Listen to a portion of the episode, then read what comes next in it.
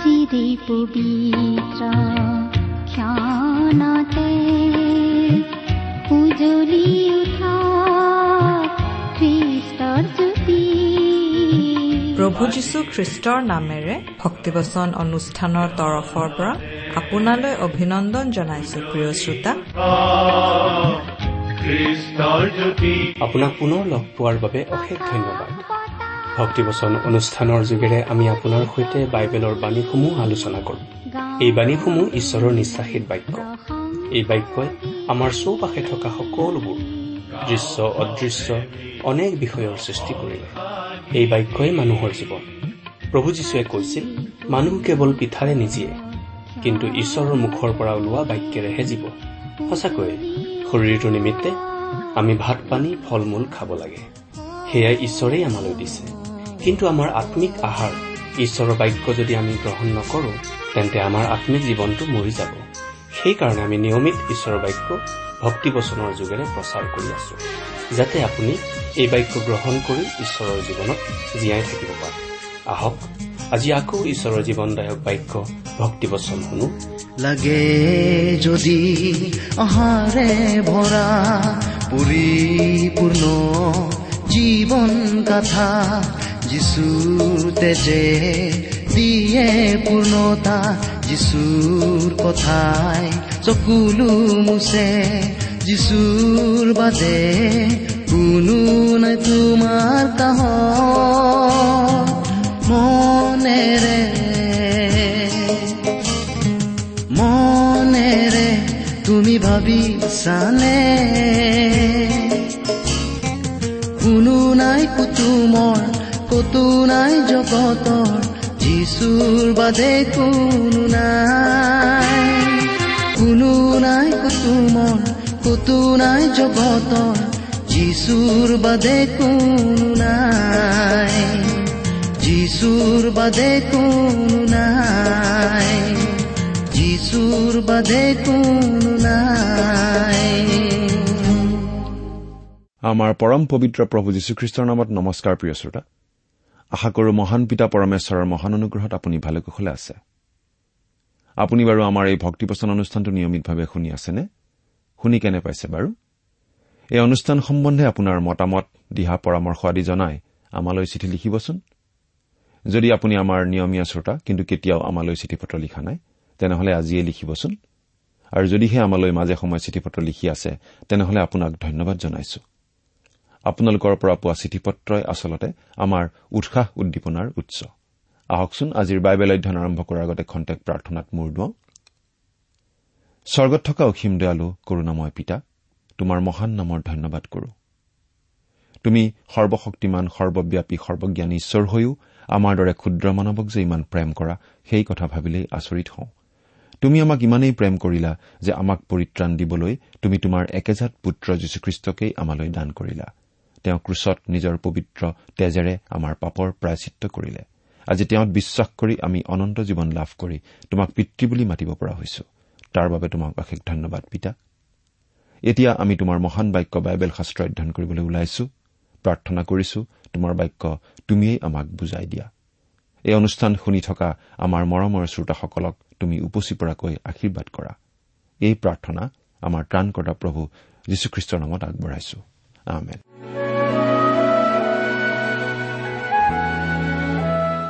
প্ৰিয় শ্ৰোতা ইয়াৰ আগৰ অধ্যয়ন আপুনি শুনিছিল নে বাৰু? যদি শুনিছিল তেনেহলে আপুনি জানে যে আমি এতিয়া বাইবেলৰ পুৰণি নিয়মৰ যিচয়া পুস্তকখন অধ্যয়ন কৰি আছো আৰু যোৱা অনুষ্ঠানত আমি এই যিচয়া পুস্তকৰ পাঁচ নম্বৰ অধ্যায়ৰ এক নম্বৰ পদৰ পৰা তেইছ নম্বৰ পদলৈকে অধ্যয়ন কৰি চাইছিলো। পাঁচ নম্বৰ অধ্যায়ৰ এক নম্বৰ পদৰ পৰা সাত নম্বৰ পদলৈ আঙুৰ বাৰীৰ দৃষ্টান্ত আৰু আঠ নম্বৰ পদৰ পৰা তেইছ নম্বৰ পদলৈ ইছৰাইলে কৰা ছটা অপৰাধ আৰু সন্তাপৰ কথা আমি পাইছিলো। আজিৰ অধ্যয়নত আমি এই যিচয়া পুস্তকৰ পাঁচ নম্বৰ অধ্যায়ৰ চৌবিছ নম্বৰ পদৰ পৰা ছয় নম্বৰ অধ্যায়ৰ পাঁচ নম্বৰ পদলৈ অধ্যয়ন কৰিম। আহক পোনছাতেই আমি আজিৰ অধ্যয়নৰ শাস্ত্ৰাংশৰ প্ৰথমটো পদ অৰ্থাৎ পাঁচ নম্বৰ অধ্যায়ৰ চৌব্বিছ নম্বৰ পদটো পাঠ কৰোঁ হওক। আপোনাৰ লগত যদি বাইবেল আছে চাই যাব। আৰু যদিহে লগত বাইবেল নাই অনুগ্ৰহ কৰি মন দি শুনিব। পাঠ কৰি দিছো। এই হেতুকে জুইৰ জীৱাই যেনেকৈ নৰা গ্ৰাস কৰে আৰু অগ্নিশিখাত যেনেকৈ শুকান ঘাঁহ ভস্ম হৈ যায় তেনেকৈ সিহঁতৰ মূল পচা কাঠৰ নিচিনা হ'ব। আৰু সিহঁতৰ ফুল ধূলিৰ নিচিনাকৈ উৰি যাব কিয়নো সিহঁতে বাহিনীবিলাকৰ জিহুৱাৰ ব্যৱস্থা অগ্ৰাহ্য কৰিলে আৰু ইছৰাইলৰ পবিত্ৰজনাৰ বাক্য তুচ্ছ জ্ঞান কৰিলে। জুইৰ জীৱাই যেনেকৈ নৰা গ্ৰাস কৰে। বিনষ্ট পোৱাৰ প্ৰক্ৰিয়া যদিও অতি মন্থৰ গতিৰ আৰু চকুত নপৰাবিধৰ হৈছে তথাপি ইছৰাইল জাতিয়ে কৰা পাপ অপৰাধৰ বাবে জুইৰ জীৱাই নৰা গ্ৰাস কৰাৰ দৰে সেই বিনষ্টতা এদিন দ্ৰুতগতিত আহিব। এই শাস্তিৰ গতি ইমান দ্ৰুত হ'ব যে তাক বাধা প্ৰদান কৰাৰ সুযোগ পোৱা নাযাব। এয়া হ'ব তেওঁৰ ন্যায় বিচাৰত প্ৰকাশ পোৱা প্ৰভুৰ ক্ৰোধ। শেষৰ কালত প্ৰভুৰ এই ক্ৰোধৰ প্ৰচণ্ডতা সকলো মৰ্তই সকলো জাতিয়ে পৃথিৱীৰ সকলোৱে দেখা পাব। কিন্তু সেই ক্ৰোধৰ প্ৰচণ্ডতা কেৱল প্ৰচণ্ডতা প্ৰকাশৰ উদ্দেশ্যেৰেই নহ'ব কিন্তু হ'ব ইছৰাইল আৰু সকলো মনুষ্যৰ পাপৰ বিৰুদ্ধে। সেয়া হ'ব ঈশ্বৰৰ সুধবিচাৰ মুঠিয়ে লিখা শুভবাৰ্তা বাৰ নম্বৰ অধ্যায়ৰ বিশ নম্বৰ পদত প্ৰভু যীশুখ্ৰীষ্টই এনেদৰে কৈছে তেওঁ ন্যায় বিচাৰ জয়ীৰূপে প্ৰচলিত নকৰে মানে থেতেলা নল নাভাঙিব ধোঁৱাই থকা শলিতাও নুনুমাব। এই যিচয়া পুস্তকৰেই বিৰাল্লিছ নম্বৰ অধ্যায়ৰ তিনি নম্বৰ পদৰ পৰা প্ৰভুৱে এই উদ্ধৃতি দিছিল। কিছুমান পাপ আছে যিবোৰ পাপে নিজেই সোধ বিচাৰো নিজলৈ আনে। মদ্যপান কৰা কথাটো ঠিক তেনেকুৱা ধৰণৰ এটা পাপ। ড্ৰাগ সেৱন কৰাটো তেনেকুৱা ধৰণৰ এটা পাপ। তাৰ ফল লগে লগে আমি পাওঁ। এইটো প্ৰত্যেকেই জনা আৰু দেখা কথা। যে মদ্যপান কৰা আৰু ড্ৰাগছ সেৱন কৰা লোকসকল এইবোৰ পাপত পতিত হৈ নিজৰ বিপদ নিজেই নিজলৈ চপাই লয় আৰু মৃত্যুমুখত পৰে। আমাৰ নিজৰ ঠাইৰ এটা কথা আমি হলে বুজি নাপাওঁ আৰু সেইটো হৈছে যে আমাৰ নিজৰ ঠাইৰ মানুহবোৰে মদ্যপান কৰি টং হৈ থকা গাড়ী চালকসকলক কিয় গাড়ী চলাবলৈ এৰি দিয়ে? কাৰণ কোনো কোনো সময়ত দেখা যায় যে এনে গাড়ী চালকসকলে নিজে মৰাৰ লগতে আনকো মাৰে। ঈশ্বৰে এনে কৰি দিছে যে মদ পান কৰা আৰু ড্ৰাগ সেৱন কৰা লোকসকলৰ ওপৰত মদ পান কৰা আৰু ড্ৰাগ সেৱন কৰা পাপে নিজেই শাস্তিৰ বিধানো লগত লৈ আহে। তাৰ বাবে ঈশ্বৰে একো কৰিবলগীয়া নহয়। এইবিধ পাপ আচৰণত থেতেলা খোৱা নল মৰিব আৰু ধোঁৱাই থকা শলিতাও নিজে নিজে নুমাব। আজি আমাৰ চাৰিওফালে মদ পান আৰু কেৱল মদ্যপানেই আমি দেখা পাওঁ। এই অপৰাধৰ ফলত মদপীজনৰ নিজৰ ঘৰৰ পৰিয়ালৰ আৰু সমাজৰো ক্ষতিসাধন কৰে। কিন্তু ঈশ্বৰে এনে এটা নীতি কৰি দিলে যে এনে পাপ আচৰণ কৰোতাজনে নিজেই ব্যক্তিগত জীৱনত তেওঁৰ ঘৰৰ পৰিয়াল আৰু তেওঁ বাস কৰা গাঁওখনৰ সমাজখনেও তেওঁ আচৰণ কৰা পাপৰ শাস্তি ভোগ কৰিবলগীয়া হয়। মানুহে এই পাপৰ সৈতে যেনেকৈ খেলা খেলিব নালাগে আন কোনো পাপৰ সৈতেই কোনো ধৰণৰ খেলা খেলিব নালাগে। পাপ হৈছে এটা ত্যাগ কৰিবলগীয়া বস্তু। তাৰে সৈতে খেলা খেলিবলগীয়া বস্তু নহয়।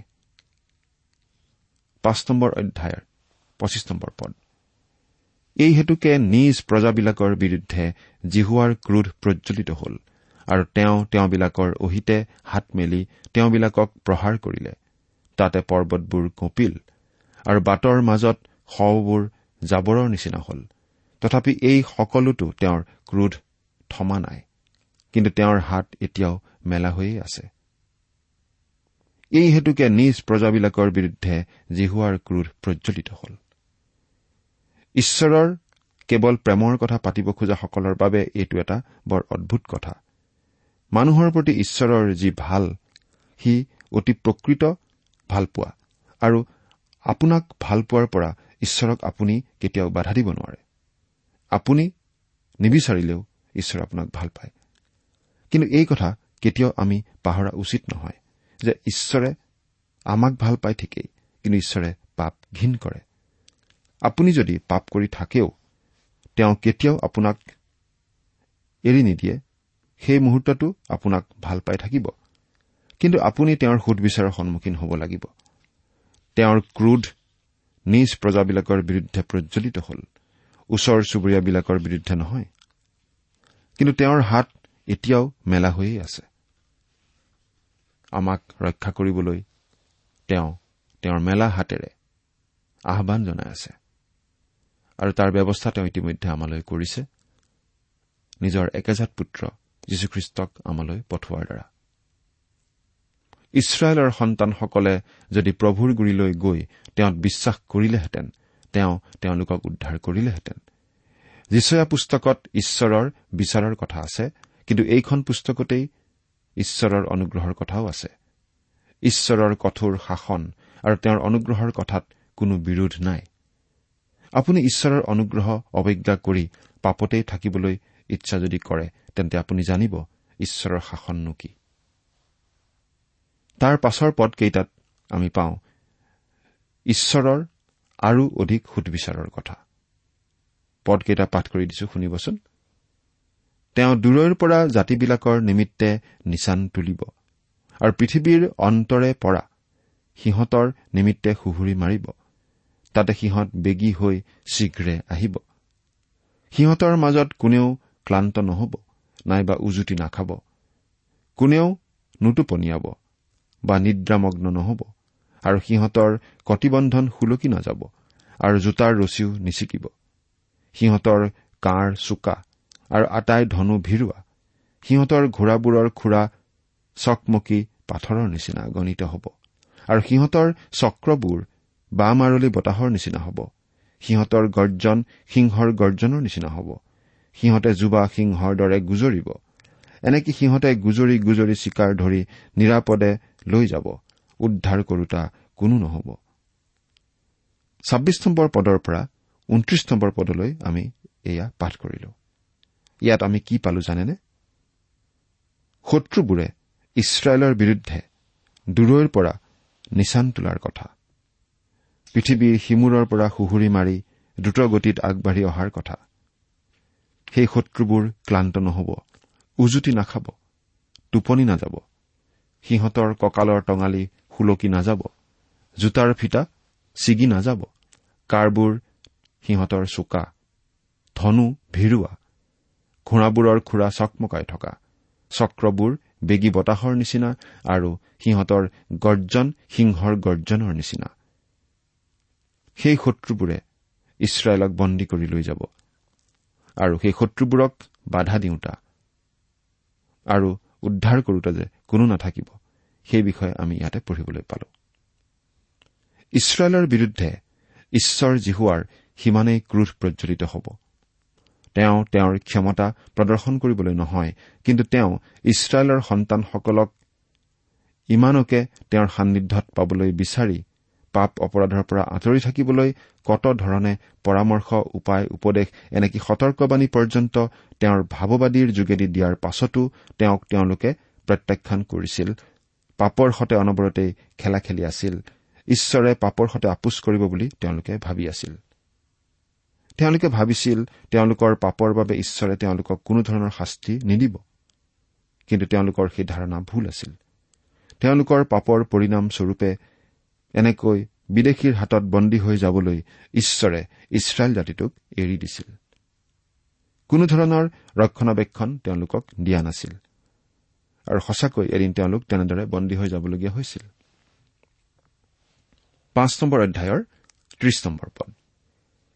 সেইদিনা সিহঁতে ইছৰাইলৰ বিৰুদ্ধে সমুদ্ৰৰ গৰ্জনৰ নিচিনাকৈ গৰ্জিব। তাতে কোনোৱে যদি ভূমিলৈ চাই পঠায় তেন্তে কেৱল অন্ধকাৰ আৰু সংকট দেখিব। আৰু তাৰ মেঘমণ্ডলত পোহৰ অন্ধকাৰময় হ'ব। মানুহে কয় বোলে ইছৰাইল জাতিটো বাস্তৱিকতেই ভাৱবাণীৰ দৰেই সকলো কৰি গৈছে। তেওঁলোকৰ দেশ সুন্দৰ হৈছে আৰু হেৰুৱা ভূমি পুনৰুদ্ধাৰ কৰি ল'বলৈ সক্ষম হৈছে ইত্যাদি ইত্যাদি। বাহ্যিক আৰু পাৰ্থিৱভাৱে ইছৰাইল এটা প্ৰগতিৰ পথত আগবাঢ়ি যোৱা জাতিৰূপে গণিত হৈছে তাত নিশ্চয় সন্দেহ নাই। নিজৰ ভূমি নথকা জাতি এটাই নিজৰ ভূমি উদ্ধাৰ কৰিছে। সুস্থ সবল চৰকাৰ থকা এখন দেশ গঠন কৰিছে। কিন্তু তেওঁলোকৰ আধ্যামিক দিশটো তাৰ সম্পূৰ্ণ ওলোটা। আধ্যামিক ৰূপে জাতিটো এতিয়াও অন্ধকাৰতেই আছে। ঈশ্বৰৰ পৰা সম্পূৰ্ণ দূৰৈত আছে। তেওঁলোক নিৰ্ভয়তা আৰু শান্তিত জীৱন ধাৰণ কৰা জাতি নহয়। তেওঁলোকে অনবৰতেই ভয় আৰু শংকাৰে জীৱন ধাৰণ কৰিবলগীয়া হৈছে আৰু চাৰিওফালে শত্ৰু দেশবিলাকক লৈ তেওঁলোক মহাসংকটৰ মাজত আছে। তেওঁলোকৰ প্ৰতি আমাৰ সহানুভূতি থকা উচিত। এয়া তেওঁলোকৰ ওপৰত আচলতে ঈশ্বৰৰে সুধবিচাৰ। আমি এতিয়া ছয় নম্বৰ অধ্যায়ৰ অধ্যয়নলৈ আগবাঢ়ি যাওঁ হওক। ভাৱবাদী পদৰ বাবে যিচয়াই আহান আৰু আদেশ পোৱাৰ বিষয়ে আমি এই অধ্যায়টোত পাওঁ।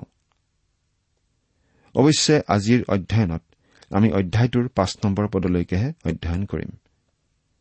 একাদিক্ৰমতা আৰু সঠিকতাৰ দিশৰ পৰা চাবলৈ গ'লে আচলতে যিচয়া পুস্তকখন ইয়াৰ পৰাহে আৰম্ভ হৈছে। এই অধ্যায়টোৱে যিচয়াৰ জীৱনৰ এটা প্ৰত্যাহান আৰু মহৎ কামৰ কাৰণে ঈশ্বৰৰ মুখামুখি হোৱা এটা শুভ ঘটনাৰ বিৱৰণ দাঙি ধৰিছে। ভাৱবাদী পদৰ বাবে ঈশ্বৰৰ পৰা আহান আৰু আদেশ তেওঁ নতশিৰে গ্ৰহণ কৰা আমি দেখিবলৈ পাইছো। এই আহান আৰু আদেশ তেওঁ দৰ্শনত পাইছিল। ছয় নম্বৰ অধ্যায়ৰ এক নম্বৰ পদৰ পৰা চাৰি নম্বৰ পদলৈ আছে দৰ্শনত যিচয়াই ঈশ্বৰ জিহুৱাৰ পবিত্ৰতা গৌৰৱ আৰু তেওঁৰ ব্যক্তিত্ব দেখা পোৱাৰ লগতে সময় আৰু স্থানৰ কথাও উল্লেখ আছে। ছয় নম্বৰ অধ্যায়ৰ এক নম্বৰ পদ। উজ্জিয়া ৰজাৰ মৃত্যু হোৱা বছৰত মই প্ৰভুক এখন উচ্চ আৰু উন্নত সিংহাসনত বহি থকা দেখিলো। তেওঁৰ ৰাজবস্ত্ৰৰ আঁচলে গোটেই মন্দিৰ জুৰি লৈছিল। উজ্জিয়া ৰজাৰ মৃত্যুৰ খবৰেৰে যিচয়াই এই অধ্যায়টো আৰম্ভ কৰিছে। উজ্জিয়া এগৰাকী ভাল ৰজা আছিল। কিন্তু এতিয়া তেওঁৰ মৃত্যু হৈছে। বহুতে বিশ্বাস কৰে যে ইছৰাইলৰ দক্ষিণ ৰাজ্যৰ অৰ্থাৎ জিহুদা ৰাজ্যৰ উজ্জিয়াই আছিল শেষৰজন মহান ৰজা আৰু তেওঁৰ মৃত্যুৰ পাছত জিহুৱাৰ মহিমা প্ৰকাশৰো সিমানতেই অন্ত পৰিছিল। সেয়া কিমান সঁচা তাক ক'ব পৰা নাযায়। পলেষ্টিয়া আৰবীয় আৰু অম্মুনীয়াসকলক উজ্জিয়াই নিজৰ বহুতীয়া ৰাজ্য কৰিছিল। তেওঁ দীঘলীয়া বাৱন্ন বছৰ ৰাজত্ব কৰিছিল আৰু ঈশ্বৰৰ প্ৰতিজ্ঞাৰ দৰে জাতিটোৱে সেই কালচোৱা ধনে ধানে সমৃদ্ধিশালী হৈছিল। আৰু আগতে কৈ আহিবৰ দৰে বহুতে গুৰুত্ব সহকাৰে ভাবে যে উজ্জিয়াৰ মৃত্যুৰ লগে লগে জিহুদী জাতিটোৰো জাতীয় গৌৰৱৰ অৱসান ঘটিছিল। উজ্জিয়া ৰজাৰ মৃত্যুৰ বছৰৰ বছৰি যিচয়াই নিশ্চয় ভাবিছিল যে উজ্জিয়া ৰজাৰ এতিয়া মৃত্যু হৈছে। আৰু সেয়ে বহু বিষয়বোৰৰ এতিয়া খেলিমেলি ঘটিব। ইছৰাইলৰ সন্তানবিলাকক বন্দী কৰি বিদেশলৈ লৈ যোৱা হ'ব। দেশৰ সমৃদ্ধিৰ ইয়াতেই ইতি পৰিব। নিৰাশাবাদ এটাৰ সূচনা হ'ব দেশত আকাল হ'ব। মনত এনে চিন্তাই ঠাই পালে মানুহে সাধাৰণতে যি কৰিব যীচয়া ভাওবাদীয়েও তাকেই কৰিছিল। অৰ্থাৎ তেওঁ মন্দিৰলৈ গৈছিল। তেওঁ ঠিক ঠাইলৈকে গৈছিল। অৰ্থাৎ তেওঁ এনে ঠাইলৈ গৈছিল য'ত তেওঁ ঈশ্বৰক লগ পাব পাৰিছিল। গীতমালা ঊনত্ৰিশ নম্বৰ গীতৰ ন নম্বৰ পদত এইদৰে কৈছে তেওঁৰ মন্দিৰত সকলোৱেই গৌৰৱ গৌৰৱ বুলি কৈছে। ঈশ্বৰৰ মন্দিৰত যিচয়াই এই কথা উদঘাটন কৰিলে যে ইছৰাইল জাতিৰ যিজন প্ৰকৃত ৰজা তেওঁ মৃত নহয়। সেয়ে কৈছে মই প্ৰভুক এখন উচ্চ আৰু উন্নত সিংহাসনত বহি থকা দেখিলো আৰু তেওঁৰ ৰাজবস্ত্ৰৰ আঁচলে গোটেই মন্দিৰ জুৰি লৈছিল। আন কথাত ঈশ্বৰ সিংহাসনত বহি আছে। যিচয়াই আমাক ইতিমধ্যেই কৈছে যে নাকত নিশ্বাস লৈ ফুৰা মানুহত আমি আস্থা ৰাখিব নালাগিব। আন কথাত মানুহত কোনো আস্থা ৰাখিব পৰা নাযায় কাৰণ মানুহৰ জীৱন বৰ অস্থায়ী। কাৰণ মানুহজনে যেতিয়া নিশ্বাস এৰি দিয়ে তাৰ পাছত উশাহ ল'ব পাৰিবনে নাই তাক জানিব পৰা নাযায়। নাইবা অকস্মাতে হৃদপিণ্ডৰ ক্ৰিয়া বন্ধ হৈও মানুহৰ মৃত্যু হ'ব পাৰে। মানুহৰ জীৱন সিমানেই ক্ষণস্থায়ী। সেয়ে মানুহত আমি আস্থা ৰখা উচিত নহয়। উজ্জিয়া ৰজাৰ মৃত্যু হৈছে বাবে সিংহাসনত যোগ্য ৰজাৰ অভাৱ হৈছে সেইটো ঠিকেই। কিন্তু পাৰ্থিৱ সিংহাসনৰ ওপৰত আছে স্বৰ্গীয় সিংহাসন আৰু সেই সিংহাসনত বহি আছে সৰগ আৰু মৰতৰ সৰ্বপৰাক্ৰমী প্ৰভু। যিচয়াই দৰ্শনত তাকেই দেখা পাইছিল। যিচয়াৰ দৰেই আজি প্ৰভুৰ অনেক দাসে প্ৰভুৰ দৰ্শন দেখা পাব লাগিছিল।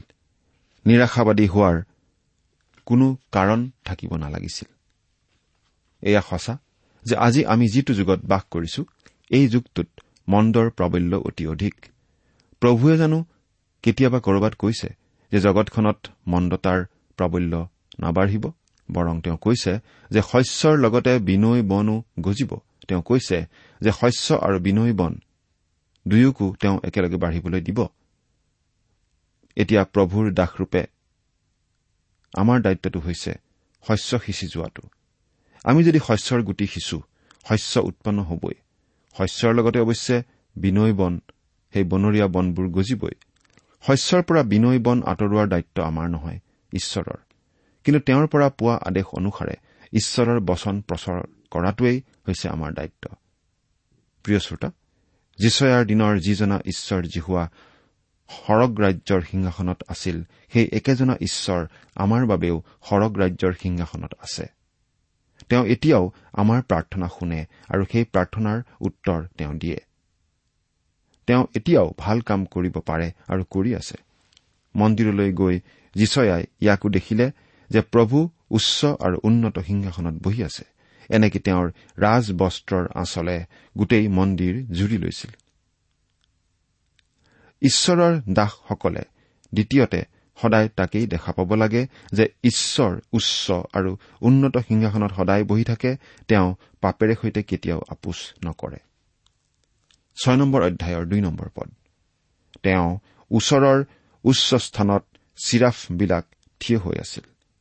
তেওঁবিলাকৰ প্ৰতিজনৰ ছখন ছখন ডেউকা আছিল।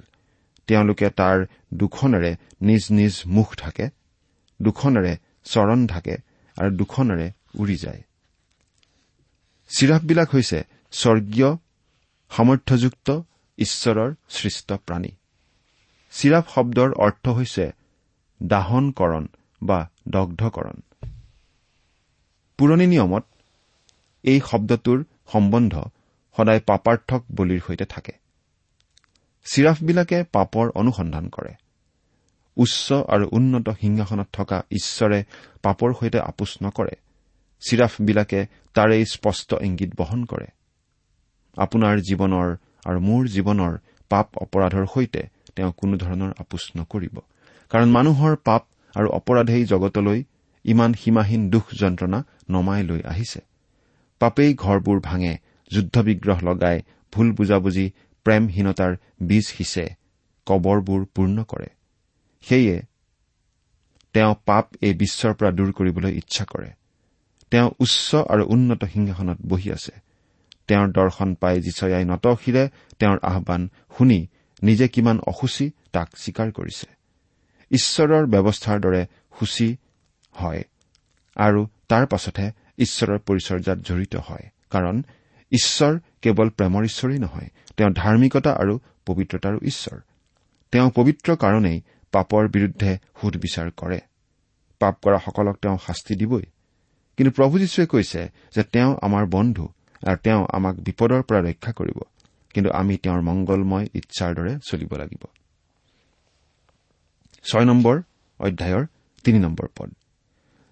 আৰু তেওঁলোকে পৰস্পৰে মাতি কলে পবিত্ৰ পবিত্ৰ পবিত্ৰ বাহিনীবিলাকৰ জিহুৱা গোটেই পৃথিৱী তেওঁৰ মহিমাৰে পৰিপূৰ্ণ। প্ৰিয় শ্ৰোতা যিজন পবিত্ৰ আৰু যিজনৰ মহিমাৰে গোটেই পৃথিৱী পৰিপূৰ্ণ সেইজনক যদি আমি সেই অৱস্থাতে দেখা পাব জানিলোহেঁতেন তেতিয়াহ'লে ইমান দুৰ্বল জীৱন যাপনৰ পৰা আমি বাস্তৱিকতে মুক্তি লাভ কৰিলোহেঁতেন। তাৰোপৰি প্ৰভুক লৈ আমাৰ যি ভুল ধাৰণা তাৰ পৰাও আমি ৰক্ষা পালোহেঁতেন যদি আমি তেওঁক পবিত্ৰ আৰু মহিমাময় ৰূপত দেখা পাব পাৰিলোহেঁতেন। আমি বহু সময়ত ভাবো যে আমাৰ সুবিধা প্ৰয়োজন আৰু ইচ্ছা অনুসাৰে আমি যেতিয়া ইচ্ছা কৰো তেতিয়াই তেওঁৰ উপস্থিতিৰ কাষ চাপি তেওঁৰ আশীৰ্বাদ আদায় কৰিব পাৰো। নাই নাই সেইদৰে কেতিয়াও নহয়। আমি ঈশ্বৰৰ গুৰি চাপিব পাৰো কেৱল তেওঁত থাকিহে। এই কথা আমি পাহৰা উচিত নহয়। পদ তেতিয়া মাত লগোৱাজনৰ মাতত দুৱাৰদলিৰ তলত ঠাইবোৰ কঁপিবলৈ ধৰিলে আৰু গৃহটিও ধোঁৱাৰে পৰিপূৰ্ণ হল। মাত লগোৱাজনৰ মাত মানে চিৰাফৰ মাত। চিৰাফৰ সেই মাতে ঈশ্বৰৰ পবিত্ৰতা ঘোষণা কৰিছিল আৰু সেই মাতে জীচয়াৰ জীৱনত কি প্ৰভাৱ বিস্তাৰ কৰিছিল পাঁচ নম্বৰ পদত আমি এনেদৰে পাওঁ।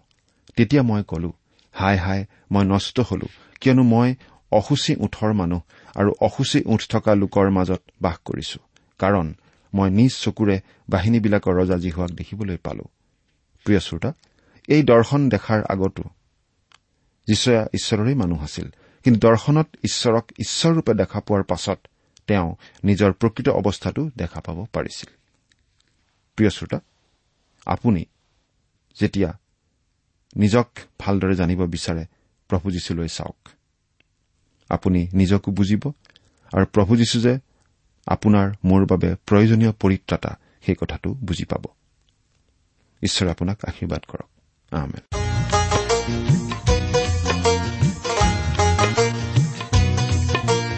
ইমান পৰে আপুনি বাইবেল শাস্ত্ৰৰ পৰা ঈশ্বৰৰ বাক্য শুনিলে? এই বিষয়ে আপোনাৰ মতামত জানিবলৈ পালে আমি নথৈ আনন্দিত হ'ম। আমি প্ৰস্তুত কৰা বাইবেল অধ্যয়নৰ চিডিসমূহ পাব বিচাৰিলে আৰু অনুষ্ঠানত প্ৰচাৰ কৰা কোনো কথা বুজিব লগা থাকিলেও আমালৈ লিখক।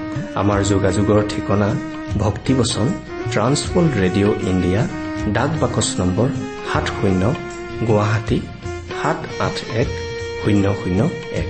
ঠিকনাটো আকৌ এবাৰ কৈছো।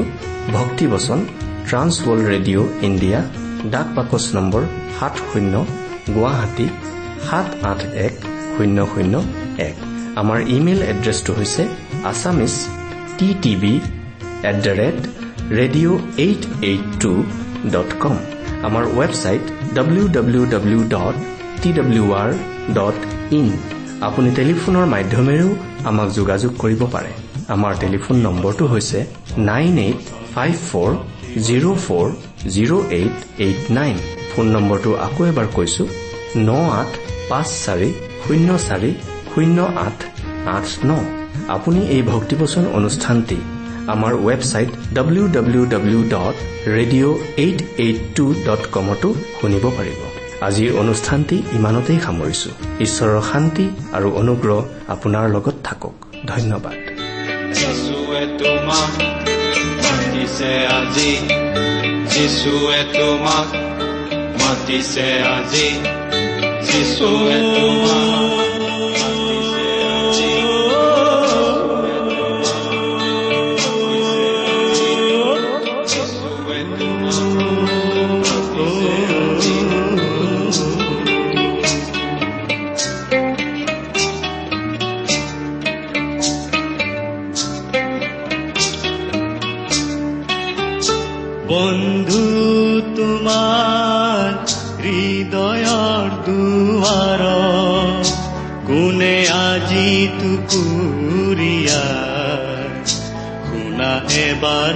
নীৰৱে কান পাতি কোনে টুকুৰীয়া কোনে বাৰু টুকুৰীয়া তোমা তোমাক মাতিছে আজি যিশুৱে তোমাক মাতিছে আজি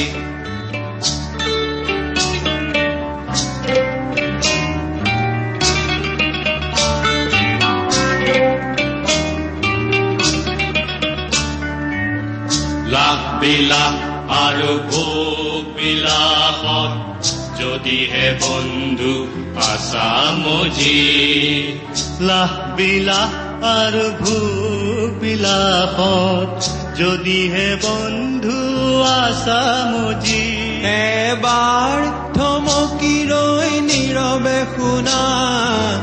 যিশুৱে মাতিছে আজি। শুনা যিশুৱে মাতিছে আজি। বন্ধু তোমাৰ হৃদয়ৰ দুৱাৰ কোনে আজি টুকুৰীয়াই শুনা এবাৰ নীৰৱে কাণ পাতি, কোনে টুকুৰীয়াই যিশুৱে তোমাক মাতিছে আজি। যিশুৱে তোমাক মাতিছে আজি।